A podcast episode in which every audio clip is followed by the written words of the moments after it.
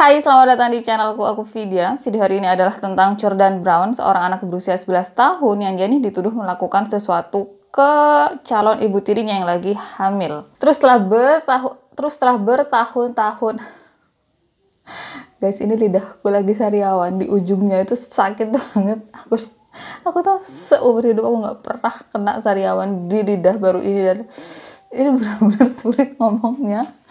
Jadi nanti kayaknya aku bakalan kasih translate deh untuk video ini Terus setelah bertahun-tahun dia di penjara, dia kemudian dibebaskan dengan alasan kalau sebenarnya nggak cukup bukti untuk bawa kasusnya Jordan ini ke pengadilan. Dan di video ini, dibanding aku fokus sama korban meninggal, aku lebih fokus untuk ngebahas tentang si Jordannya ini. Jordan Brown lahir pada 12 Agustus 1997 di Pennsylvania. Ayahnya adalah Chris Brown dan ibunya adalah Mildred Krause. Terus waktu hubungan antara Chris sama Mildred berakhir, tanpa Chris tahu sebenarnya Mildred lagi hamil anaknya. Dan karena hubungan mereka nih pisahnya nggak baik-baik, Mildred nggak kasih tahu Chris kalau dirinya lagi hamil anaknya Chris. Setelah Jordan lahir, Mildred berniat untuk kasih Jordan biar diadopsi. Yang di situ ibunya Mildred kemudian kasih tahu Chris tentang Jordan dan Chris kemudian bawa masalah ini ke pengadilan. Awalnya mereka berdua saling berebut hak asuh atas Jordan sampai akhirnya ada kesepakatan kalau dalam seminggu Jordan bakalan sama Mildred selama empat hari dan sama Chris selama tiga hari. 5 Februari Februari 1999. Waktu Jordan berusia 18 bulan, entah gimana ceritanya, tapi atas persetujuan kedua belah pihak, Chris dapat hak asuh penuh atas Jordan. Sesekali Mildred bakalan kunjungin Jordan, tapi makin lama dia makin gak terlibat apa pun di kehidupan Jordan. Jordan tumbuh di Mempam, daerah pedesaan, sekitar 40 mil atau sekitar 64 kilo dari Pittsburgh Utara. Dan itu adalah desa yang kecil dengan kurang dari 1000 penghuni. Area Mempam dikelilingin sama hutan, makanya orang-orang sana biasanya suka berbaur sama alam malam, entah lakuin arung jeram atau berburu. Jordan sama Chris, mereka suka berburu bareng, bahkan Jordan yang pada saat itu berusia 11 tahun udah punya senapannya sendiri. Jordan bisa dibilang dia nih anak yang biasa-biasa aja, dia nggak terlalu menonjol, dia nggak suka bikin masalah, nggak suka bikin ribut, Pokoknya dia, dia anak yang biasa-biasa aja. Kemudian pada saat itu Jordan gabung dengan tim baseball dan football yang kebetulan pelatihnya adalah Chris, ayahnya. Dan itu kemudian membuat hubungan antara Jordan sama Chris makin dekat. Selain jadi pelatih, Chris juga kerja di bagian shipping department. Dan pada Mei 2008, dia mulai deket sama seorang cewek namanya Kenzie Hawk. Kenzie adalah single mom dari dua orang putri, Janessa yang saat itu berusia 7 tahun dan Adeline yang saat itu berusia 4 tahun. Sebelum berhubungan sama Chris, Kenzie pacaran sama seorang cowok namanya Adam Harvey.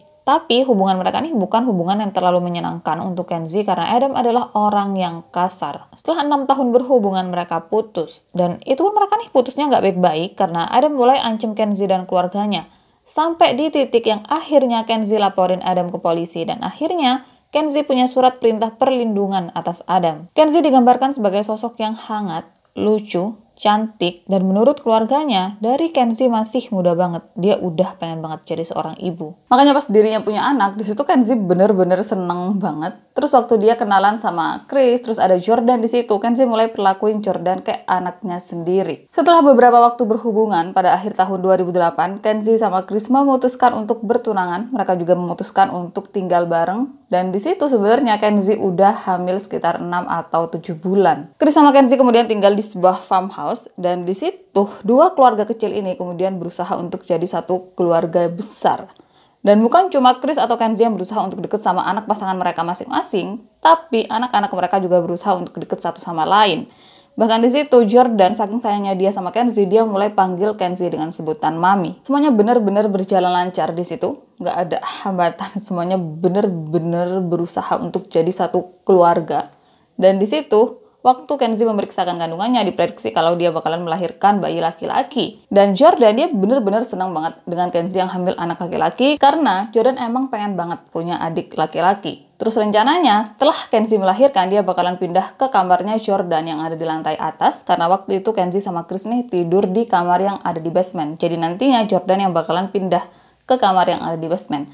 Dan Jordan dia sama sekali nggak masalah dengan itu. Dia bahkan udah pindahin beberapa barangnya ke kamarnya Kenzi sama Chris. 20 Februari 2009, Kenzi berusia 26 tahun dan saat itu kehamilannya udah memasuki usia 8 setengah bulan. Pagi itu Chris bangun kesiangan, jadi dia buru-buru untuk siap-siap pergi ke tempat kerjanya. Sementara Kenzi, dia ngerasa nggak enak badan hari itu. Dia kemudian minta sama Chris untuk, bisa nggak kalau kamu nggak pergi kerja hari ini, aku nggak enak badan gitu kan. Dan Chris cuma bilang kalau aku nggak bisa Aku harus pergi kerja, katanya Chris. Selesai siap-siap, Chris cium keningnya Kenzie yang waktu itu masih ada di ranjang dan setelahnya dia pergi kerja. Gak lama setelahnya, Jordan sama Janessa bangun. Mereka siap-siap untuk pergi ke sekolah. Terus Jordan, karena baju-bajunya udah ada di kamarnya Chris sama Kenzie, jadi dia turun ke basement dan dia ambil bajunya, terus ganti baju di kamar mandi. Selesai siap-siap, karena masih ada jeda waktu, Jordan sama Janessa duduk-duduk di sofa sambil nonton TV. Gak lama setelahnya, Kenzie naik dan bilang sama mereka untuk buru-buru ke depan karena bus sekolah mereka udah hampir sampai.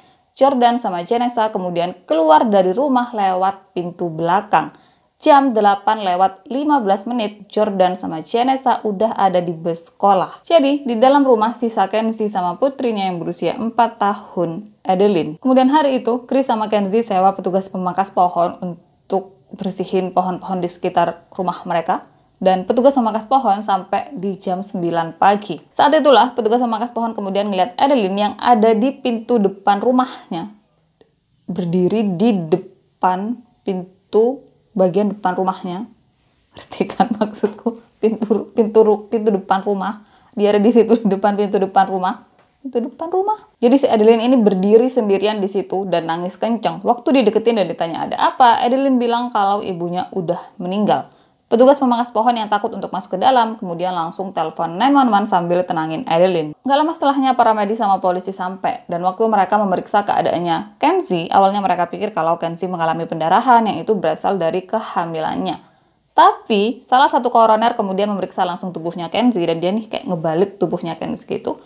Yang di situlah kemudian ketahuan kalau pendarahan di tubuhnya Kenzie bukan berasal dari kehamilannya, tapi bagian belakang kepalanya ditembak. Dan itu tuh cukup kacau waktu itu karena kalau seandainya mereka tahu penyebab kematian Kenzi adalah hal seperti itu dari awal, tentunya mereka nggak akan masuk ke dalam rumah dengan sembarangan. Mereka pasti bakalan pakai sarung tangan, terus mereka nggak bakalan sentuh apa pun gitu kan. Dan waktu semuanya udah ketahuan kalau Kenzi meninggal karena penembakan, TKP itu udah tercemar.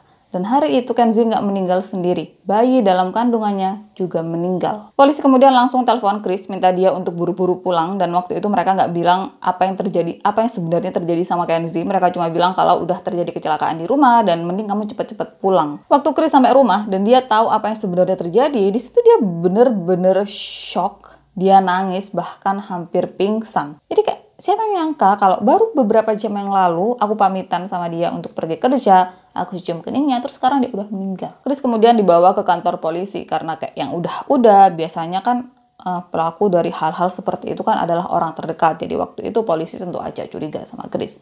Polisi kemudian melakukan pemeriksaan ke Chris. Mereka periksa tangannya Chris, apakah ada sisa residu tembak di situ. Mereka juga tanya tentang alibinya Chris, kamu ada di mana waktu Kenzi di kamu ada di mana di waktu Kenzi tertembak dan Chris kemudian disingkirkan dari daftar kemungkinan tersangka karena di tangannya nggak ada sisa residu tembak dan dia ada di tempat kerjanya selama waktu penembakannya Kenzie. Terus selanjutnya, Chris ditanya tentang apa ada orang yang akhir-akhir ini berkonflik sama Kenzie, apa ada orang yang ribut sama Kenzie, dan di situ Chris menyebut nama mantannya Kenzie, Adam Harvey. Jordan sama Janessa kemudian dijemput dari sekolah mereka dan langsung dibawa ke kantor polisi mereka kemudian diinfokan tentang apa yang terjadi sama Kenzie dan di situ mereka bener-bener shock banget mereka sedih banget karena baru beberapa waktu yang lalu mereka nih ngelihat Kenzie mereka bareng sama Kenzie dan semuanya masih baik-baik aja tapi sekarang dunia mereka nih kayak rasa-rasa diruntuhkan lebih nggak sih ngomong kayak gitu terus mereka ditanya apa pagi tadi ada sesuatu yang aneh waktu kalian pergi sekolah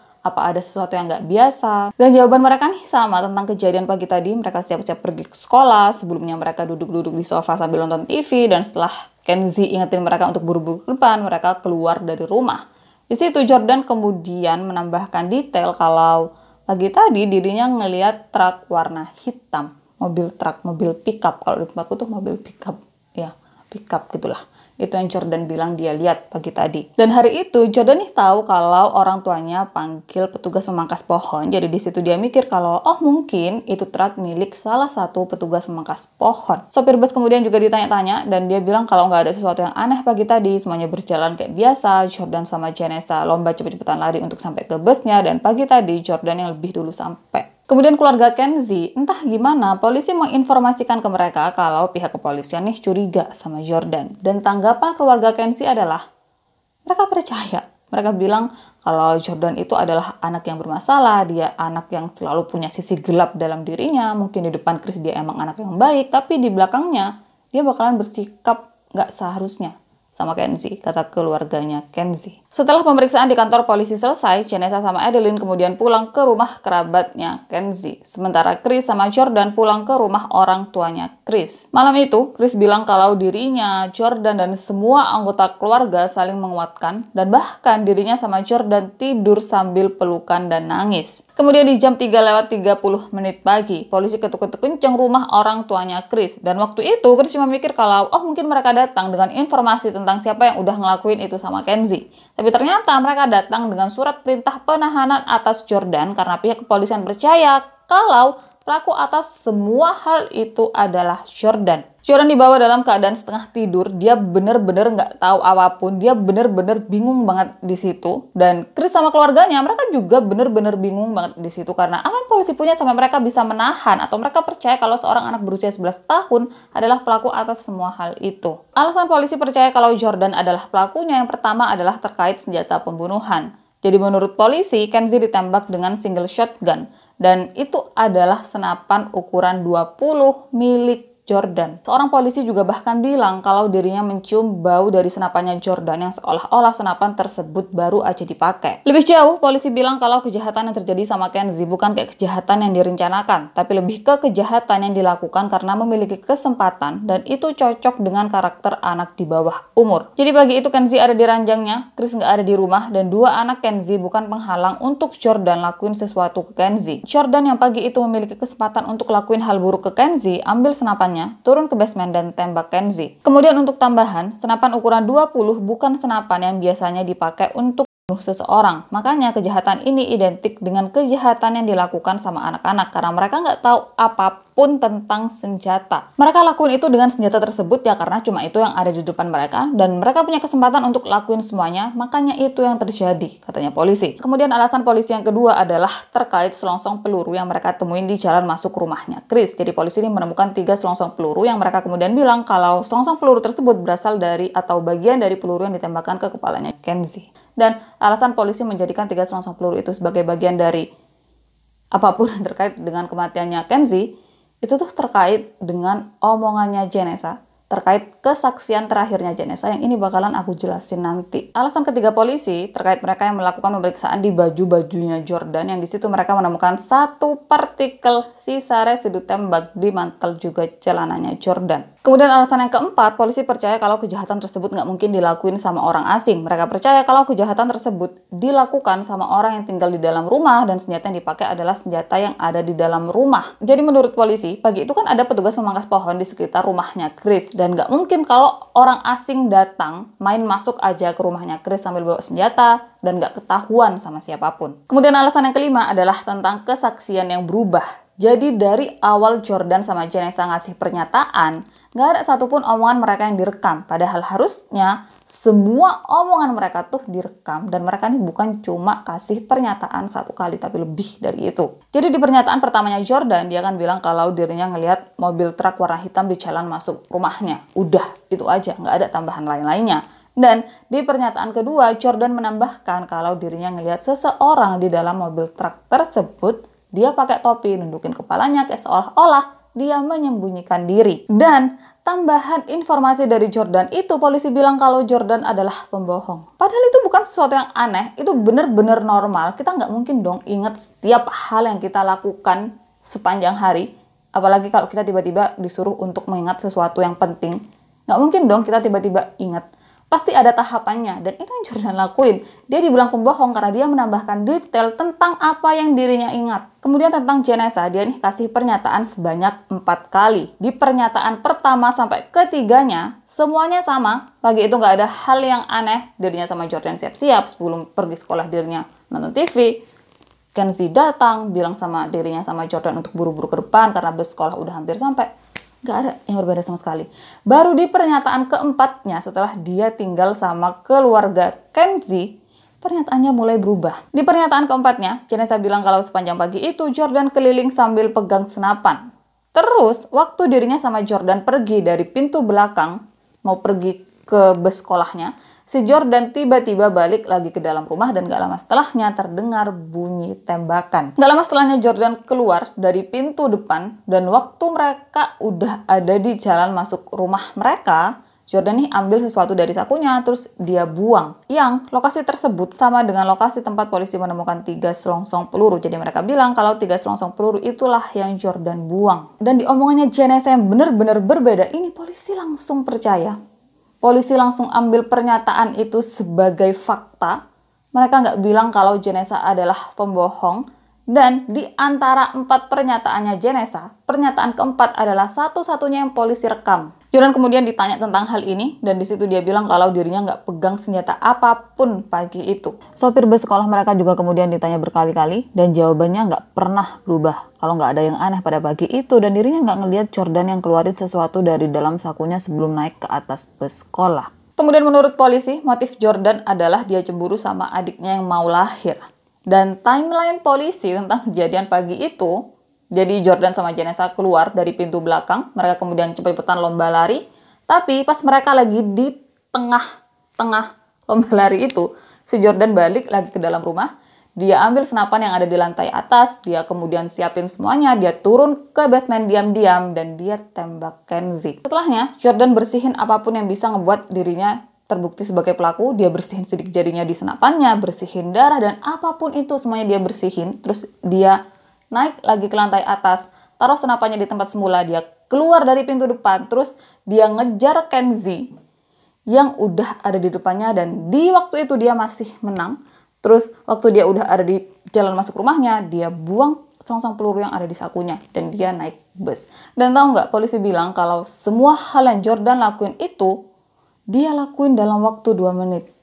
Percaya kalian? Percaya kalian seorang anak umur 11 tahun bisa lakuin semua itu dalam waktu 2 menit? Dia ambil senjata, siapin senjata, turun ke basement, bersihin semua bukti, entah darah, sidik jari, atau apa pun itu yang bisa ngebuat dirinya sebagai pelaku dan semuanya cuma berlangsung selama 2 menit. Itu pun dirinya masih keluar dan masih bisa menang lomba lari sama Jenesa padahal Jenesa udah lama ada di luar selama waktu dirinya ada di dalam dan ngelakuin sesuatu ke Kenzie.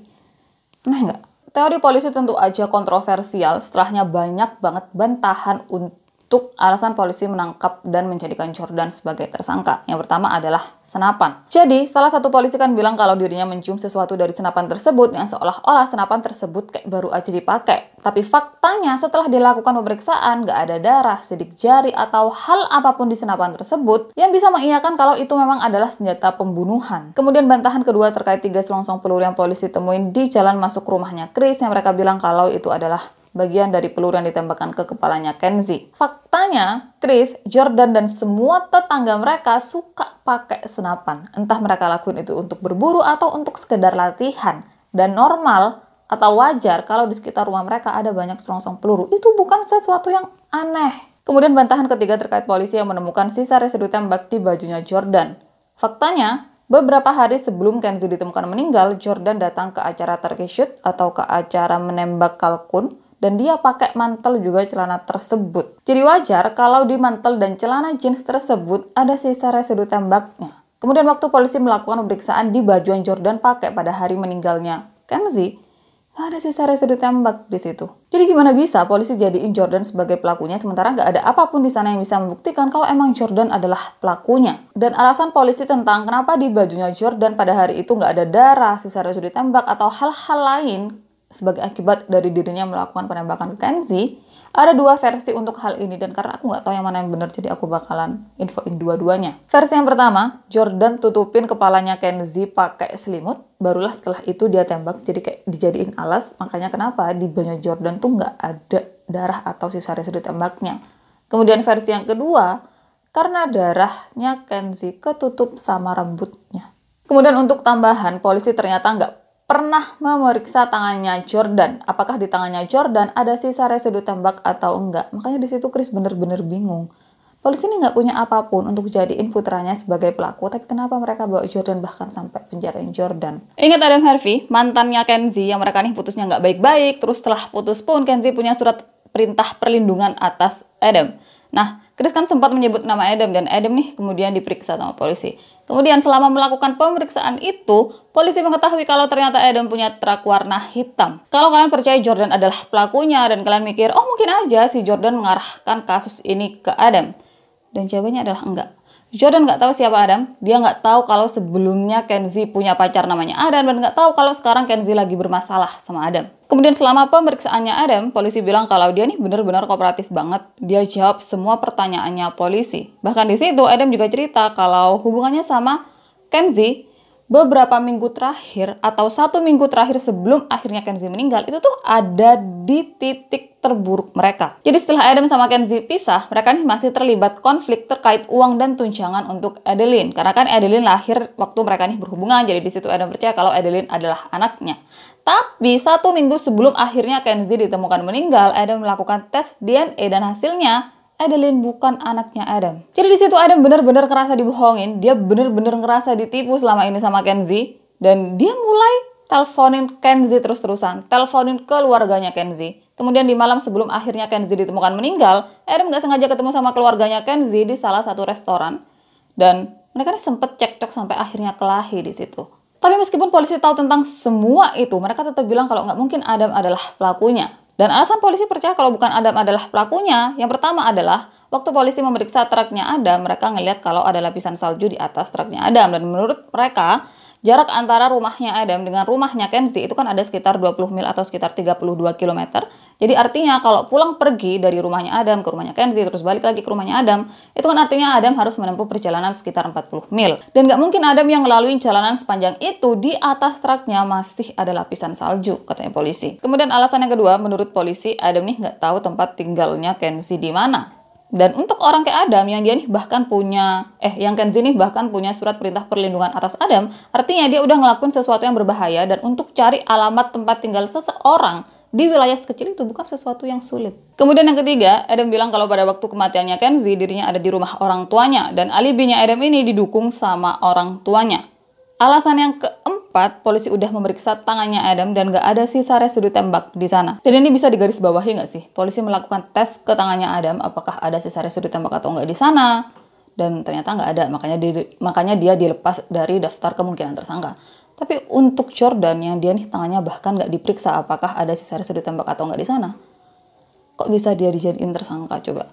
Kemudian alasan yang keempat, ada melakukan tes poligraf dan hasilnya dinyatakan kalau dia lolos. Makanya dari semua alasan itu, polisi melepaskan Adam dari daftar kemungkinan tersangka. Chris, dia adalah orang yang paling hancur di sini dan selama waktu itu meskipun dia percaya sama Jordan, percaya kalau Jordan bukan pelakunya, tapi dia juga beberapa kali tanya sama Jordan, apa benar kamu adalah pelakunya? Apa benar kamu yang udah ngelakuin itu sama Kenzie? Kamu bisa jujur sama aku? Aku ayahmu, kita bakalan lewatin ini sama-sama. Aku nggak akan tinggalin kamu. Kamu cuma perlu untuk jujur. Dan selama Chris ngomong kayak gini, sama sekali Jordan gak pernah bilang kalau dia adalah pelakunya. Bahkan sampai hari ini dia selalu bilang kalau bukan dirinya pelakunya. Kemudian waktu Jordan dibawa polisi di jam 3 lewat 30 menit pagi itu, dia langsung dibawa ke penjara dewasa, bukan dimasukin ke penjara anak-anak atau remaja. Jadi hukum Pennsylvania menyebut, berapapun usiamu, kalau kamu dituntut untuk kasus pembunuhan tingkat pertama, kamu bakalan diadili secara dewasa. Dan itu juga yang dialamin sama Jordan karena dia dituntut untuk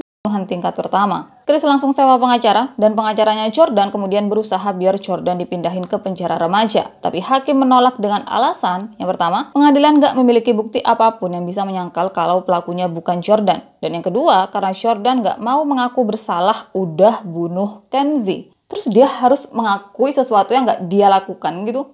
Baru pengadilan mau untuk memindahkan dia ke penjara anak-anak. Apa seseorang nggak boleh percaya dengan ingatannya sendiri? Apa seseorang nggak boleh percaya sama dirinya sendiri? Dan meskipun butuh waktu, tapi akhirnya pengacaranya Jordan berhasil transfer dia ke penjara remaja. Kemudian waktu itu, Chris ini kunjungin Jordan hampir tiap hari karena dia nggak mau Jordan ngerasa sendiri, ditinggalin, dan jarak antara rumahnya Chris dengan penjara tempat Jordan ditahan itu tuh 4 jam perjalanan. Jadi Chris butuh waktu selama 8 jam perjalanan untuk pulang pergi ke penjaranya Jordan. Yang karena hal itu dia kehilangan pekerjaannya. Jadi semuanya tuh bener-bener hancur banget sih buat Chris menurutku. Dia kehilangan calon anaknya, calon istrinya, terus anak pertamanya dituduh sebagai pelakunya, terus dia nggak ada kerjaan juga pada saat itu sementara dia masih harus mensupport Jordan di dalam penjara kacau banget gak sih hidupnya kasian banget. Jordan resmi didakwa pada 6 Mei 2009 dengan dakwaan pembunuhan tingkat pertama atas Kenzie dan anak yang Kenzie kandung. Dan untuk ini Jordan mengaku tidak bersalah. Selama waktu ini pengacaranya Jordan berjuang biar Jordan menjalani persidangan remaja, tapi pada 29 Maret 2010 mosi pengacaranya Jordan ditolak. Alasan dari hakim, yang pertama, psikiater yang baru-baru ini habisin waktunya dengan Jordan menyimpulkan kalau Jordan gak mau bertanggung jawab atas tindakannya. Dan lagi, kayak gini lagi kenapa sih harus sebegitunya coba sama Jordan kenapa dia harus mengakui sesuatu yang dia yakin dia nggak lakukan tapi akhirnya pada Agustus 2009 pengadilan Pennsylvania akhirnya memerintahkan untuk mentransfer kasusnya Jordan ke pengadilan remaja. Persidangan Jordan dimulai pada April 2012 dan persidangan ini cukup emosional antara pihaknya Jordan dengan pihak keluarganya Kenzie dan persidangan ini cuma berlangsung selama tiga hari. 13 April 2012, Jordan yang berusia 14 tahun dinyatakan bersalah dan karena dia menjalani persidangan remaja, hukuman maksimal untuk hal ini dia bakalan dipenjara sampai usianya 21 tahun. Keputusan ini benar-benar bikin semua orang kaget, bingung, terutama pihaknya Jordan karena mereka percaya kalau Jordan ini nggak bersalah. Mereka tahu kalau nggak ada bukti, saksi, dan sama sekali nggak ada hal apa pun di sana yang bisa memberatkan Jordan. Tapi gimana bisa dia diputus bersalah? Pengacara Jordan kemudian bawa kasus ini ke Mahkamah Agung Pennsylvania dengan poin-poin yang pertama, polisi yang bilang cium bau senapan kayak baru aja dipakai, ternyata dia nggak punya latar belakang profesional untuk hal ini. Yang kedua, polisi nggak bisa membuktikan apakah senapan tersebut memang senjata atau bukan. Yang ketiga, temuan selongsong peluru bukan hal yang aneh di lingkungan tempat tinggalnya Chris karena semua penghuni di sana, bahkan di sekeliling rumah Chris juga bakalan ditemuin banyak selongsong peluru.